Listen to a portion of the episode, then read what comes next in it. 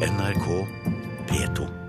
Ja, det er arbeidsukas siste dag for de fleste. Det er fredag, og Kulturnytts fredagspanel har satt seg til mikrofonene. Velkommen til dere, Nina Kristiansen, redaktør for nettstedet forskning.no. Anders Oppdal, redaktør i avisen Nordlys, og Carl Fredrik Tangen, samfunnsgeograf og høyskolelektor ved Oslo markedshøgskole. Da er alle på plass. vi er på plass. I dag så tenkte vi å begynne i utlandet, i USA. Og med overvåkingsskandalen som har blitt eh, rullet opp der. For eh, i forrige uke så avslørte avisene The Guardian og Washington Post at amerikansk etterretning har full tilgang til vanlige menneskers bilder og e-poster på nett. Spørsmålet vårt det er vil dette endre hvordan dere bruker sosiale medier? Ja eller nei, Nina? Nei. Carl Fredrik? Nei. Anders? Nei. Et eh, samstemt nei, altså. Hvorfor ikke? Nei, jeg, altså jeg vokste opp på et lite sted hvor alle nesten kjente alle, litt sånn som på Facebook. Og der lærte vi oss at hvis du sier noe i én sammenheng, så kan du være sikker på at det dukker opp i en annen sammenheng som du ikke har kontroll over. Så når jeg begynte med sosiale medier, så tok jeg med den kompetansen inn. Så det er ingenting jeg skriver i sosiale medier som ikke amerikansk etterretning kan lese. Men begynner de med e-posten min, da blir jeg sur. For det er forskjell. Grensen går ved e-post for Nina også, Carl Fredrik. Jeg syns jo du bør være litt paranoid i mange, mange sammenhenger. Um, og Jeg vokste opp med en far som var aktiv på venstresida politisk, og han, han planta i meg at amerikanerne er ute etter å finne ut alt mulig um, om deg. Så det, stemmer jo med sånt uh, liksom paranoid verdensbilde som, uh, som jeg har. Men det er jo interessant å se hvordan det foregår allikevel. Så det, men det, og så er jeg også litt opptatt av den derre altså, Hvorfor skal vi være så private?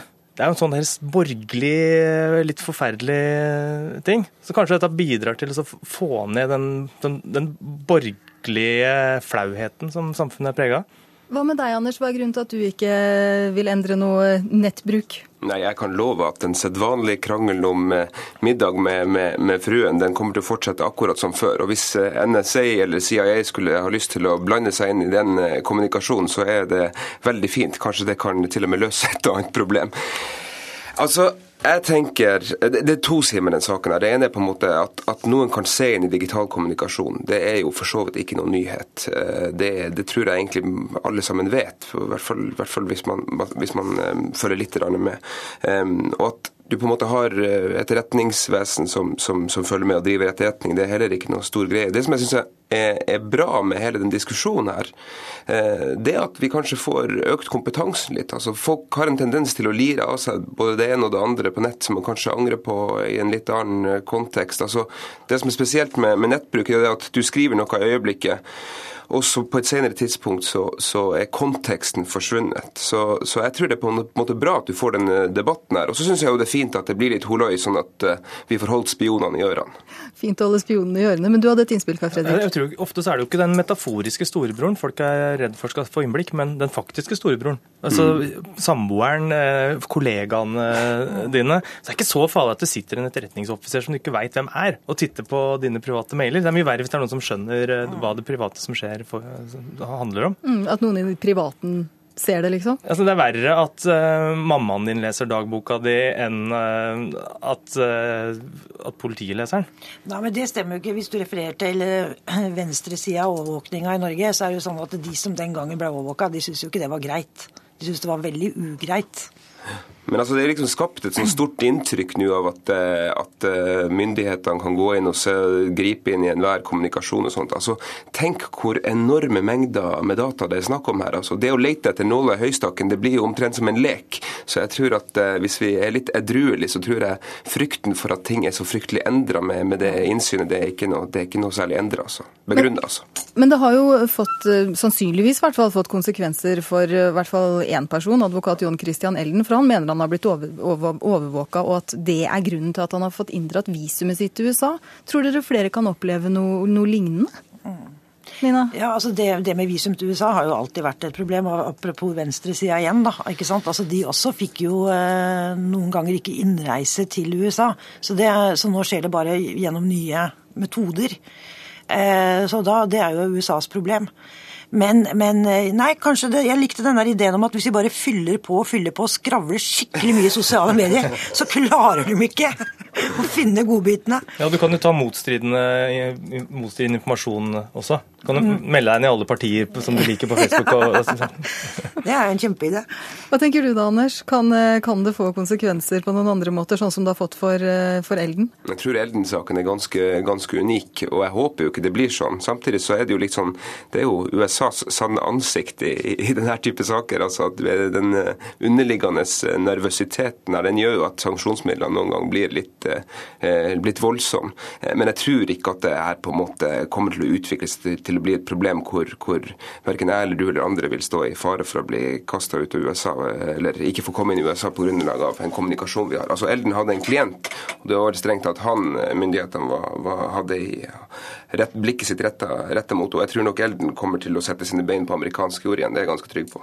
Men vi merker jo det der i hverdagen når det gjelder annons annonsering. Du skriver på gmail at uh, 'jeg er kald', og så får du pledd-annonse etterpå. Eller du skriver 'kjæreste', og så får du dating-annonse etterpå. Så det, du, at mulighetene er der til liksom å prøve å kartlegge deg på et eller annet vis, og så nå deg, det, det er jo skremmende å merke det. Og da er jo det med kompetanse viktig, ikke sant? sånn at folk veit hvordan de kan skru av sånne cookies som overvåker deg. Men har vi kanskje blitt så vant til dette her, at det er noen som, som ser oss på nettet, at det er greit, liksom? Ja, det er som jeg sier, jeg vokste opp med at alle ser alle og følger med. sånn at det er ikke, For meg er ikke overgangen så veldig stor. Men eh, nei, altså det, jeg, jeg tror det at det handler om at vi må lære oss den nye virkeligheten, rett og slett. Da legger vi eh, den eh, overvåkingsballen eh, ned i hjørnet, og så går vi videre til neste tema. For det er 100 år siden det ble allmenn stemmerett her i landet. Og i hovedstaden så ble det invitert til offisiell feiring av stemmerettsjubileet med Big Bang og Fantorangen på plakaten. Men det var ikke alle som ville være med på den feiringa, og jubileet det drukna i et feilslått ønske om å være folkefest. Det mener siviløkonomen Julie Brannfjell. Og da spør vi, har Brannfjell eh, rett? Ja. Nina? Nei. Anders? Nei.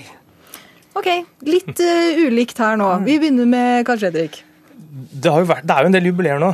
Altså, er Grunnloven og kvinnelig stemmerett og universitetets 200-årsjubileum nevnte også. Og hvis jubileer blir for like, så blir det nok et jubileum. Og Hun nevnte som konkret eksempel at universitetet hadde Big Bang som opptrådte på sin feiring, og så var det Big Bang som spilte på kvinnejubileet også. Og da, da får du jo ikke noe ordentlig budskap fram. Så jeg, jeg synes at det i all den viraken så, så mister de litt, uh, litt, litt budskapet. Så budskapet forsvinner. Anders, hva er det du tenker? Det her måtte jo komme fra en siviløkonom. Altså, eh, helt ærlig, det, det er jo en, du snakk om en seier for demokratiet. Og når man får en seier, hva gjør man da? Ja, da feirer man. Eh, så jeg har ingen problemer med at man forsøker å folkeliggjøre det med en, eh, med en storslått fest. Det som jeg kan være med på å diskutere, det er hvor godt egna Big Bang er som headliner for å markere noe sånt. Det virker som det har gått litt inflasjon i bruken av det bandet, selv om de er ganske bra. Men jeg syns det er på sin plass å feire. Og jeg tror ikke vi skal være så redd for, for begrepet folkefest og den, den slags. Altså, det, det, verden hadde vært fryktelig kjedelig hvis ikke vi fikk lov til å feire litt. Rane. Altså, Jeg veit jo ikke hvem Big Bang er. Jeg trodde det var en TV-serie som jeg liker veldig godt. Men det er ja. Nei, men ikke sant, De damene som slåss fram stemmeretten, de slåss med mye motstand. De ble kalt stygge, hurpete, eh, de ble sett på som ekstremt radikale. Og så går det 100 år, og så er det en folkefest. Og det tror jeg de ville likt. Eh, fordi at det er en så stor selvfølge. Det er noe pussig i dette landet. fordi at alle likestillingstiltak og alle kvinnerettigheter som er mer enn fem år gamle, dem er vi stolte av. Vi slår oss på brystet og kaller oss likestillingslandet. Men nye likestillingstiltak, eller tiltak som ikke er innført ennå, de møter motstand. Og da er det igjen da liksom at det er inngripen i folks privatliv, og det er radikal feminisme, alle de tinga der. Så jeg tenker det at det, all den der feiringa av gamle tiltak, som ble sett på som uh, sånn mannshatersk, ikke sant? Når det blir folkefest, det syns jeg må være bra uansett hvilket band som spiller. Uansett hvilket band som spiller, så er det bra. Carl Fredrik, du har noe på hjertet selv. Ja, en sånn feiring den blir jo konservativt når du bare feirer at nå har alt blitt eh, så bra. Og det, altså, De tingene som du snakker om, er jo ikke tydelig altså, at Vi diskuterer ikke hva som foregår i dag. er jo ikke så tydelig i diskusjonen. Vi bare hyller de gamle suffragettene og, og heltene som fikk fram s- stemmeretten. Så det, det er jo noe annet ved det her. Det er liksom sånn det er en voldsom sånn selvgratulerende feiring istedenfor å sjekke 100 år. Nå kan vi ta en avsjekk og så se om det har funka godt. Så er det sånn at nå har vi det mest perfekte samfunn i, i verden. Og det er noe av det som bidrar til at uh, alle feiringer blir like, for de handler ikke om noe. For de vil ikke ha noen konflikter. og Da kan, må du bare komme med sånne, altså, sånn musikk som alle er enige om, artister som alle er enige om, og markeringer alle er enige om.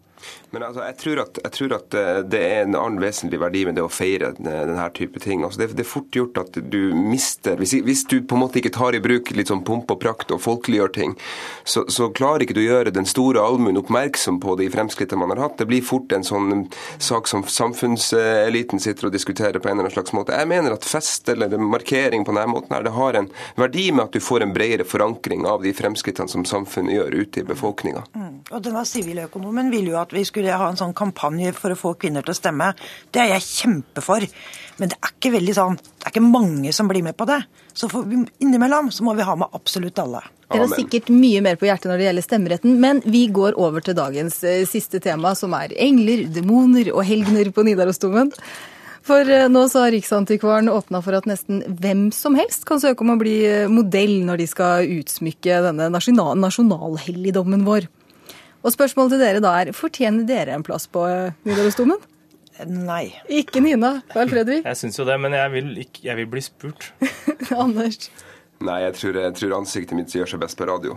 Det gjør seg best på radio. Du, men Karl Fredrik, du, du, vil gjerne bli spurt, men du kunne tenke deg også å pryde den store domen i Trondheim? Det er jo en sånn passe diskré måte å eh, bli huska eller etterlate seg spor eh, på. For du framstår jo der som om det er Judas eller en djevel eller eh, Du vet jo aldri hva du Frans kan ende som. Nei, du veit jo ikke helt hva du, hva du blir, da. Men liker, det er kanskje like best tanke på at oldebarna mine skal gå og vite at der henger eh, oldefar på, på veggen. Kanskje som en liten ape. og så, er det jo, men den tanken der om at alle skal med, den syns jeg er sympatisk. Så at det ikke at det blir sånn der, Det er jo liksom de tusen år siden store, store, store, menn fra kristenfortellingen kobles til liksom vanlige folk fra vår, vår, tid. Så det er morsomt. Men dere, Da denne domen ble pussa på 1960-tallet, så fikk erkeengelen Michael Mikael faktisk et helt nytt ansikt. Han endte opp som Bob Dylan. Hva mener dere, hva mener dere om at en sånn rockelegende preger eh, ja, domen? Det, det syns jeg er veldig morsomt. Det er jo flere av dem. Kanskje Big Bang kan bli statue på Nidarosdomen? Nei, synes, han gjorde, det, han gjorde, det, politisk. Han gjorde det for, mot krig og for mm. fred. og Det er sikkert Vietnamkrigen som var svært eh, aktuelt. og det, det, jeg tror vel ikke han lyktes så bra med det, og jeg er ikke sikker på om det stemte så godt med Bob Dylans politiske prosjekt eh, heller. Så jeg, jeg, er litt skeptisk om de klarer å få gjort det så innmari politisk eh, vellykka. Men, men, jeg syns jo det er ganske fantastisk, Nidarosdomen, som alle på en måte har et eller annet slags har i hvert fall en kunnskap om på en eller annen slags måte. At, eh, at et sånn type historisk praktbygg eh, speiler eh, samtida, eller epokene, historien. Det syns jeg er ganske flott. Jeg må si at jeg, jeg, liker det veldig godt. Og nei, jeg hører kanskje ikke hjemme som noen modell for det der, men det hadde vært en ære å få vært i det galleriet. Men dere, sånn, sånn det het til slutt på Nidarosdomen-saken vår. Hvis ett navn eller ett ansikt skulle opp, hvem skulle det være, Nina? Kjapp tenking. Åh. Gå videre, du, så skal jeg prøve å være kjapp. Big Bang ville jo du ha. Ja, jeg vet da, Big Bang, da. Carl Fredrik. Jeg vil ha Michael Jackson. Michael Jackson, ja. Anders? Nelson Mandela. Nelson Mandela. Ja, det hadde jeg tenkt å si, om jeg tenkte det var litt ja, det var kjedelig sagt, altså. Ja. ja. men Da blir det vel egentlig to Nelson Mandela og én Michael Jackson som vil pryde Nidarosdomen, hvis dere fikk velge, velge der, altså. Men da må vi sette strek for denne gang, dere. Takk for at dere delte meningene deres med oss her i Kulturnytt. Nina Kristiansen, redaktør for forskning.no. Anders Oppdal, sjefredaktør for avisen Nordlys og så var det Carl Fredrik Tangen som er samfunnsgeograf og høyskolelektor ved Oslo markedshøgskole. Hør flere podkaster på nrk.no podkast.